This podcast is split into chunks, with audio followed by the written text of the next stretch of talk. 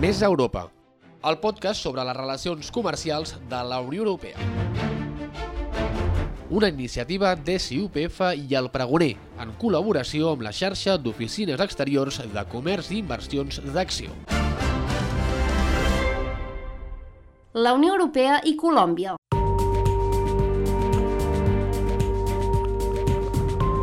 Des de l'any 2012 existeix un acord comercial entre Colòmbia, Perú i Equador i la Unió Europea.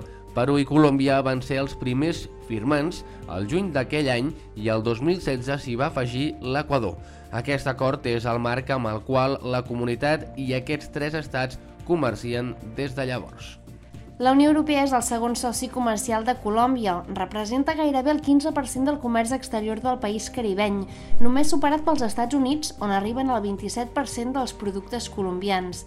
Cal destacar que d'entre els membres de la Unió Europea que més hi comercien són Països Baixos, Espanya, Bèlgica, Itàlia i Alemanya. Una quarta part de les exportacions colombianes són productes relacionats amb el petroli, especialment cru i minerals bituminosos. Un 14% de les exportacions són ulles, un tipus de carbó, i el cafè representa el 7%.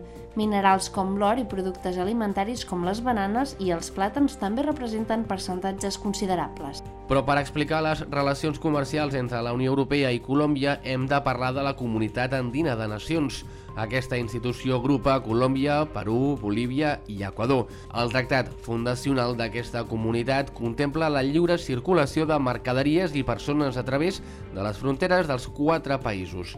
Per tant, establir-se en algun d'aquests quatre és una clara porta d'entrada als tres. L'actual Tractat de la Unió Europea amb la Comunitat Andina de Nacions té com a objectiu liberalitzar progressivament el comerç de mercaderies i serveis entre les dues unions d'estats.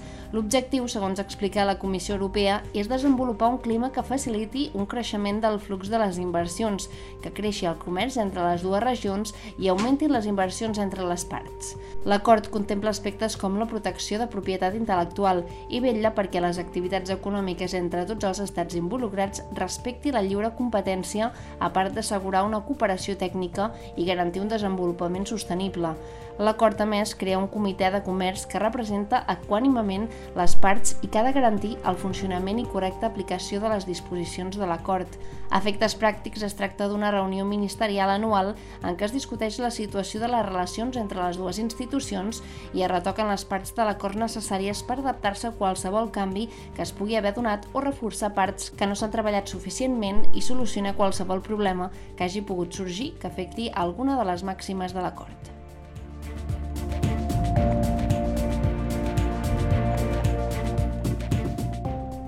Un important punt a esmentar respecte a les relacions entre Colòmbia i la Unió Europea són els fluxos migratoris. Espanya és el país de residència de més de mig milió de ciutadans colombians, una xifra que només superen Venezuela i els Estats Units.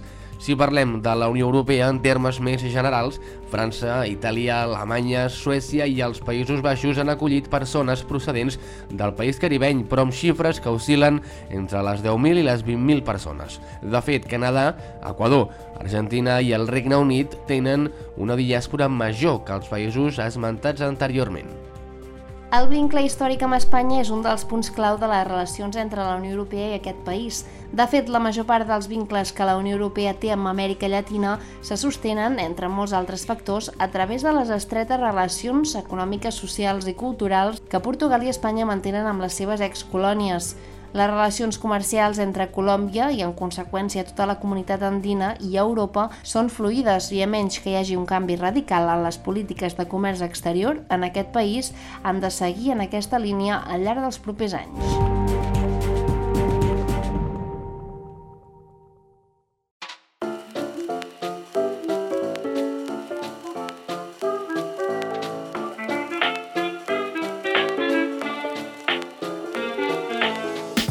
Xavier Roca està al capdavant de l'Oficina Exterior de Comerç i Inversions de Catalunya a Bogotà. Compta amb una àmplia trajectòria professional en l'àmbit de la internacionalització i en sectors com el TIC, la salut o la bellesa. Primer va ser consultor a la mateixa oficina d'acció a Colòmbia i després va liderar el Departament d'Exportació d'una PIME catalana. És així director de l'Oficina d'Acció a Bogotà, una seu recent que va obrir les portes l'any 2012, donant pas a les empreses catalanes a aprofitar millor els potencials d'un mercat en constant creixement des de l'any 2000. En aquesta breu trajectòria, l'Oficina de Bogotà ja ha treballat en més d'un centenar de projectes, entre els quals destaquen els àmbits de la química i l'energia, les indústries de l'experiència i especialment els sistemes industrials.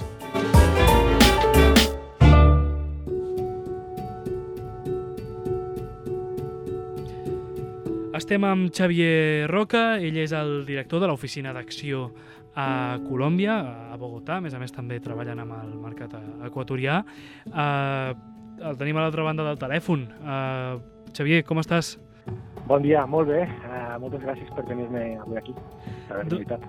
Eh, mira, jo, la, la primera pregunta que, que et volíem fer per, per, per entendre quina és la vostra feina a l'oficina d'acció aquí a Bogotà és, és saber, primer de tot, amb quin perfil d'empresa col·laboreu habitualment i com eh, feu per ajudar-los. Doncs uh, treballem amb tot tipus d'empreses uh, catalanes. Um, principalment, evidentment, el nostre, el nostre gruix uh, és la PIME catalana, que és, que és també el gruix econòmic de Catalunya. Eh, dels sectors en els que treballem també és un ventall molt ampli, és a dir, treballem tant productes industrials, productes de venda públic com productes o serveis eh, del tercer sector social i, per tant, cobrim un gran ventall i dins de l'oficina la nostra principal missió eh, serien tres. Una és ajudar les empreses catalanes a poder aterrar al mercat colombià, poder arribar al mercat colombià i al mercat eh, equatorià també des de la nostra oficina mm, per poder ampliar el, el, el comerç en aquesta regió i, i per tant apropar els dos ecosistemes empresarials. L'altra és buscar i ajudar les empreses colombianes a que a, i promoure-les que s'inverteixin a Catalunya per així aprofitar el Tractat de Lliure Comerç amb la Unió Europea i també l'apropament i els projectes més a nivell innovació i tecnològics per uh, ajudar tant els centres tecnològics i fer transferència entre ambdós països. Llavors, a, partir d'aquí, uh, diguéssim, de forma més general, ens podries explicar quin és l'objectiu que té l'oficina d'acció a, a Bogotà? L'objectiu general és, és, és eh, ser un punt d'ajuda a les empreses catalanes. És a dir, nosaltres estem repartits per tot el món per poder donar assistència, i ajuda i a les empreses catalanes perquè tinguin més facilitats per arribar als nostres mercats, assessorar-les amb un ventall també de serveis que poden anar des d'un estudi de mercat fins a una cerca de canals de comercialització, una cerca de canals de, de, de, de provisionament. Llavors, tenim diferents serveis que poden ajudar l'empresa catalana en l'objectiu de la internacionalització i també, doncs, evidentment, de la incorporació de tecnologia i de la innovació. Com us beneficieu i com eh, treballeu per, a partir dels acords bilaterals que hi ha entre la Unió Europea i, i Colòmbia a nivell de comerç, a nivell de negocis, eh, com us valeu d'ells per ajudar els empresaris catalans? Doncs el Tractat de Lliure Comerç el que ens, el que ens uh, dona és una gran seguretat uh, a l'hora de fer i una gran estabilitat a l'hora de fer els intercanvis comercials el fet de tenir un tractat de lliure comerç eh, ens ajuda a ser molt més competitius eh, i, i poder millorar la nostra, la nostra potencialitat en el mercat nacional colombià. A dir, podem ubicar els productes catalans eh, amb, amb els mateixos o amb millors condicions que els, que els nostres principals competidors arreu del món dins del, dins del mercat nacional colombià. Mm. I diguéssim que a nivell de relacions comercials, quins són els grans problemes que apareixen? És a dir, moltes vegades ens trobem que hi ha xocs culturals o, o senzillament que la forma de fer negocis en aquell país concret és una i la d'aquí és una altra. Diguéssim, com, com supereu aquestes, aquestes barreres que es poden generar?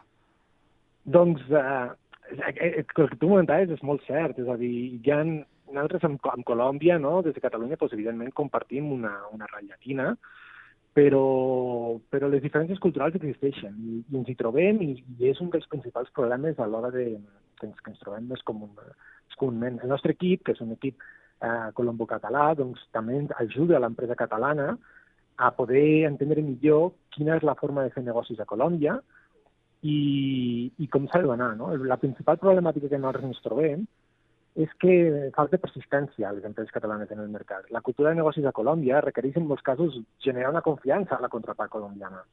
I per això és important, mm, i sempre ho recalquem, eh, en ser persistent en el seguiment, poder fer les visites de forma continuada al país per demostrar també que l'empresa catalana ha anar a Colòmbia d'una forma clara i ferma.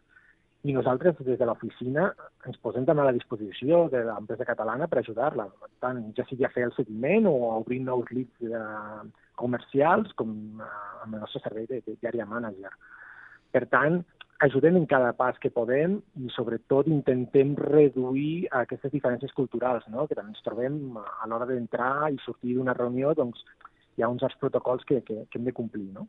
I, I això és, normalment ho informem als, als, a les empresaris i als empresaris abans, abans d'iniciar les reunions. I, diguéssim, des d'un punt de vista més, diguéssim, legal, fiscal, eh, diguéssim, quins són a dia d'avui els principals beneficis del Tractat de, de Lliure Comerç que hi ha entre la Unió Europea i, i Colòmbia? Els principals beneficis... Colòmbia ja és un país que, comparat amb la regió, té una forta estabilitat jurídica i això sí que li confereix un, una, una bona posició a, inclús al rànquing Doing Business. Um, bàsicament, eh, el Tractat de Lliure Comerç el que ens afavoreix també és, és tota una seguretat a l'hora de fer el, les, les inversions en ambdós països, eh, tenim un benefici a l'hora de, per exemple, l'empresa que vol uh, optar a licitacions públiques a Colòmbia, doncs el fet de tenir un tractat de lliure comerç ens posiciona al mateix nivell, ens pot posicionar al mateix nivell, si així la, la licitació ho, ho estableix, al mateix nivell que una empresa colombiana. I, per tant, eh, més enllà del, del simple comerç, més enllà de, de, de la reducció o l'anul·lació dels, dels aranzels, tenim una, una sèrie de beneficis que posicionen a les empreses catalanes eh, en, en una millor posició que, que, potencials, eh, que altres potencials competidors. Mm. I ja per, diguéssim, per, per acabar i per, i per acabar de tancar-ho, eh, també en aquest nivell legal, eh, quins, quins aspectes creus que, que podrien millorar i que en un futur seria interessant doncs, abordar uh, per millorar aquestes relacions comercials entre, entre aquest país i, i Catalunya i, de fet, la Unió Europea en general?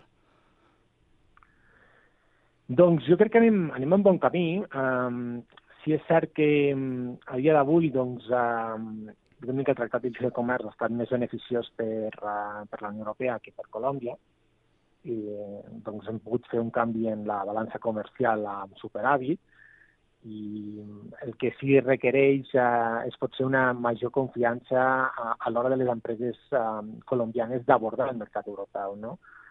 De moment a les empreses colombianes els costa molt poder abordar el mercat eh, de la Unió Europea, i, i, i aquesta és una barrera que, que ens costa. No? Més enllà del legal també tenim pues, evidentment una altra complicació que és, que és la moneda. No? La devaluació del peso pues, també genera complicacions eh, per les empreses catalanes a, a l'hora de poder, de poder maximitzar aquest tractat de lliure comerç. Xavier, moltíssimes gràcies eh, pel teu temps per explicar-nos eh, aquesta situació de les relacions actualment entre eh, Colòmbia i Catalunya a nivell eh, comercial, també per com intenteu ajudar les empreses eh, que intenten establir-se o, o, o intenten comerciar amb, amb Colòmbia i també amb Equador. I bé, ha estat un, un autèntic plaer. Moltíssimes gràcies.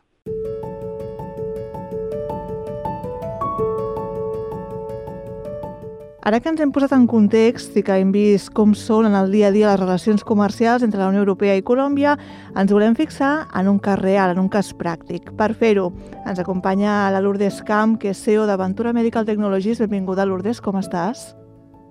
Hola, benvinguda. Molt bé, i tu? Molt bé, molt contents de poder parlar amb tu, sobretot per veure com des de casa nostra eh, s'enllacen aquestes relacions amb Colòmbia a nivell comercial. Però abans de tot, Lourdes, per situar-nos una mica, per poder-vos conèixer una mica més, explica'ns quina és l'essència, quina és l'activitat principal d'Aventura Medical Technologies.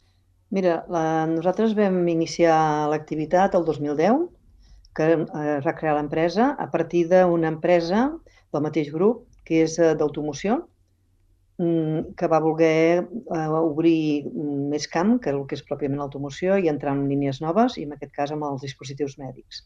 A partir d'aquí doncs, es va crear amb la idea d'innovar, de fer innovació amb, amb dispositius mèdics en general, i, la, i va començar també la nostra relació amb Acció per començar a buscar projectes que pogués, eh, poguessin anar bé amb les nostres capacitats més mecàniques i doncs, vam, vam fer bastantes eh, trobades amb empreses, eh, amb altres empreses, amb, amb universitats, amb hospitals, fins que vam començar doncs, amb un primer producte i que eh, aquest primer producte el vam començar a desenvolupar eh, i el 2015 el vam posar al mercat. Per tant, la nostra essència és fer innovació en dispositius mèdics des de la idea del professional o, o una pròpia nostra, fer tot el procés de desenvolupament d'aquesta idea, fins a arribar doncs, als prototips, fer la part regulatòria i després la comercialització dels productes directament i en alguns casos com Colòmbia a través de distribuïdors.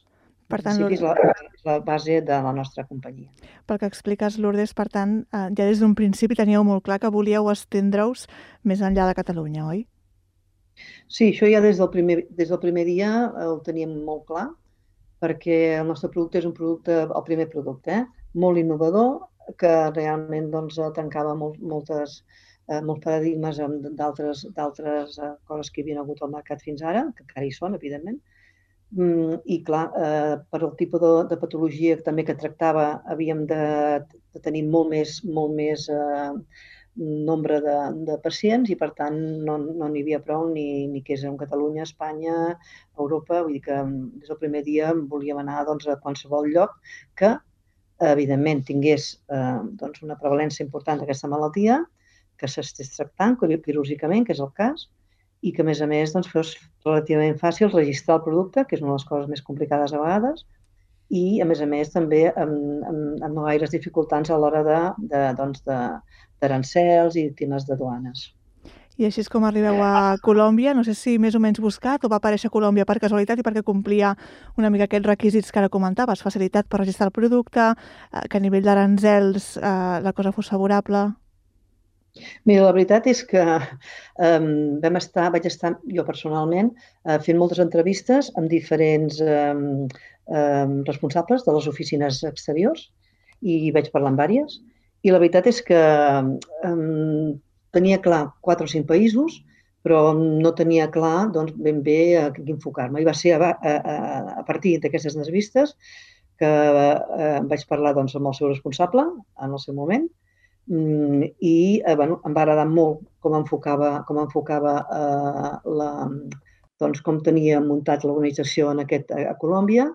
Um, era fer una missió comercial eh, per, anar a per anar a conèixer el país i és el que em va agradar més a l'hora de... que és l'Enric Subirats, que és el que em va agradar més, però de llarg, eh, de, com em va plantejar la meva visita en allà per conèixer doncs, hospitals, eh, metges, en general. No? I per tant va ser, a partir de l'entrevista amb ell, que vaig decidir que Colòmbia seria el primer país que aniria. A part d'això, també coincidia que hi havia acords entre Unió Europea i Colòmbia, ja des del 2013, eh, amb Aranzel Zero. El, el sistema de registre era bastant fàcil. A més a més, podíem registrar nosaltres el producte al nostre nom directament, que en molts països és complicat perquè et fan tenir un hosting, vol dir una empresa d'allà, del país, que fa, el registre al nom seu i després has de fer un contracte privat perquè aquest registre no se'l quedin i no tinguis problemes després a l'hora de, de voler canviar doncs, d'aquest doncs, hosting. Um, I, per tant, doncs, coincidir, va coincidir la persona, que em va, em va engrescar molt per anar a Colòmbia a fer aquesta missió, i les facilitats tant d'Arangels com de registre sanitari a vegades connecten eh, les coses i quan menys t'ho esperes sí. trobes l'altra part eh, per implicar-se. Has dit una cosa que m'ha semblat molt interessant, eh, que no sé si has dit ben bé aquest concepte, però has a entendre que també es comparteixen coses. I és que aquí parlem molt de relacions comercials, però a la pràctica el que feu no deixa de ser crear sinergies no? entre dos sistemes de, de salut, podríem dir d'alguna manera, generalitzant molt, i també compartir coneixement. Sí, sí, sí, no, no, evidentment. Mira, nosaltres, a Colòmbia va ser el primer país que vam internacionalitzar el nostre producte, eh, fins i tot abans d'Europa. Eh? Vull dir que mm, bueno, a Europa vam començar a fer doncs, alguna, alguna intervenció a França, eh, doncs, a Portugal, però no amb una xarxa com a Colòmbia ja amb un distribuïdor doncs, consolidat, de, fa, de feia molt temps que estava en aquest camp de, la, de cirurgia toràcica, i la veritat és que vam aprendre, jo personalment, perquè eh, era una microempresa, ho seguim sent, però encara, doncs, bàsicament era un enginyer jo, eh, i mm, vaig aprendre moltíssim d'aquest distribuïdor, tot i que els països i cultures diferents. Però dintre de tot, Colòmbia té una cultura bastant similar, almenys amb la gent que jo eh, m'he relacionat, eh, que són distribuïdors i professionals, molt semblant a, la, a la nostra cultura i també això va ser també un punt a favor, no? perquè quan vaig estar a la missió comercial allà vaig sentir supercòmode amb la gent d'acció ja del país, ja no solament amb l'Enric, sinó amb la gent de, pròpiament de, dels tècnics d'allà, i en les visites que vaig tenir vaig veure doncs, que era un país que segurament ens entendríem no és que s'assem, no, és, no és que molt, per, per mi és el que, per ara, que tinc més experiència en altres països latinoamericans, és en el país que m'he sentit més còmoda i més propera a nivell d'interpretar les coses de la mateixa manera. I per tant, doncs, eh, bueno, és el que dius, moltes coincidències i, i, i, i per això doncs, estem allà i va, va ser un èxit perquè els primers anys vam començar, eh, fèiem més facturació a Colòmbia que, que, que a vegades eh, només amb Espanya, vull dir que això era, vol dir que la, el distribuïdor feia molt bé la seva feina. Vam trobar uns metges que van venir a formar-se aquí, després vam anar nosaltres allà a formar-los, acabar-los de formar, i van sigut, han sigut i segueixen sent uns, uns metges doncs, molt, molt engrescats, molt implicats en el projecte que ajuda molt el distribuïdor també a formar altres metges en allà. L'únic que els últims, l'últim parell d'anys, eh, pel tema Covid i etc etc, doncs sí que hem tingut una frenada molt important de les vendes en allà, però com amb la resta de països, i això doncs, és l'únic que, que ara doncs, no, no, no ha sigut el ritme que, que va seguir al principi. Però la veritat és que va ser una arrencada, un llançament del producte molt bo i, bueno, i per això doncs, jo sempre que parlo de Colòmbia em parlo molt bé, no? en general de tot. Mm. Esperem que ara, mica en mica, el llenguatge en aire i aquestes relacions puguin tornar sí. a teixir-se al mateix ritme prepandèmic, perquè ens entenguem. Sembla que està sortint a tot arreu, sembla que ara ja comencen a, a enviar-nos comandes, que els metges ens tornen a enviar informació dels seus casos, eh, però la veritat és que bueno, eh, són, són moments que evidentment no són bons per ningú i, bueno, ja sembla que, que, que s'està arrencant una altra vegada tot. Lourdes, eh, abans d'acomiadar-te, sí que m'agradaria demanar-te si hi ha el, alguna qüestió, algun tràmit, algun tipus de gestió que creus que potser podria millorar a, a nivell de relació comercial, eh? a nivell més formal, perquè ens entenguem, o si vosaltres us heu trobat amb alguna barrera. Entenc que en general no, perquè pel que ens has explicat tot és molt fluid, però no sé si hi ha algun tràmit, alguna gestió que potser es podria simplificar o agilitzar una mica. Ostres, doncs no, no se m'acut cap en aquest moment.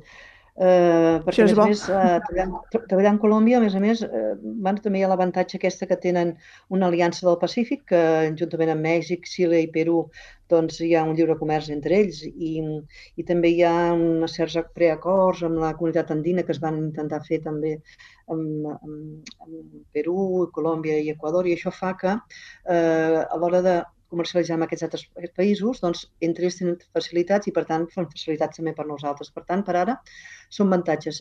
L'únic problema que vam tenir potser és que el registre havia de ser de, de tres mesos i amb la, amb la gent que ens van proporcionar eh, l'oficina d'acció allà, eh, doncs, bueno, en lloc de tres mesos va, va durar més d'un any, bueno, quasi un, quasi un any, i això va ser el que ens va sorprendre més perquè eh, va acabar sent més fàcil fer-ho a Mèxic que, que, que, que a Colòmbia en aquest moment. És l'única pega que en, que en aquest moment vaig trobar que havia de ser fàcil, i ho és, però potser per l'agència la, que, en, que ens van proporcionar, i que la veritat és que molt bé, però van ser molt més llarg el temps del que jo esperava i, per tant, clar, quan registres més tard vol dir que comercialitzes més tard, no? A part d'això, facilitats totes, perquè doncs, si tinc fins i tot eh, algun problema en Perú, doncs, des de l'oficina de Colòmbia em poden ajudar per els acords que tenen entre ells. Si, si necessito doncs, contactar amb un advocat, necessito... Bé, tot això, les oficines exteriors, la veritat és que jo no en tinc res a dir en contra, és que vull dir que per, per mi tots són avantatges i animo a tothom a treballar en les oficines d'exterior d'acció d'arreu. No? Eh, tot, tot depèn de les persones que hi ha a darrere, eh? però molts, molts que jo he treballat estic molt contenta, la veritat. Doncs tant de bo segueixi així per molts anys. Avui hem volgut conèixer un cas real per veure com es teixeixen aquestes relacions comercials entre la Unió Europea o, en concret, entre Catalunya i Colòmbia. Ho he fet amb la Lourdes Camp, CEO d'Aventura Medical Technologies. Lourdes, un plaer. Moltíssimes gràcies pel teu temps i per compartir la vostra experiència amb nosaltres. Doncs moltes gràcies a vosaltres per poder explicar la meva experiència. Un plaer. I fins aquí aquest espai dedicat a les relacions comercials entre la Unió Europea i Colòmbia. Si vols saber quin és l'estat de més acords entre el bloc comunitari i altres parts del món, no dubtis escoltar els altres capítols.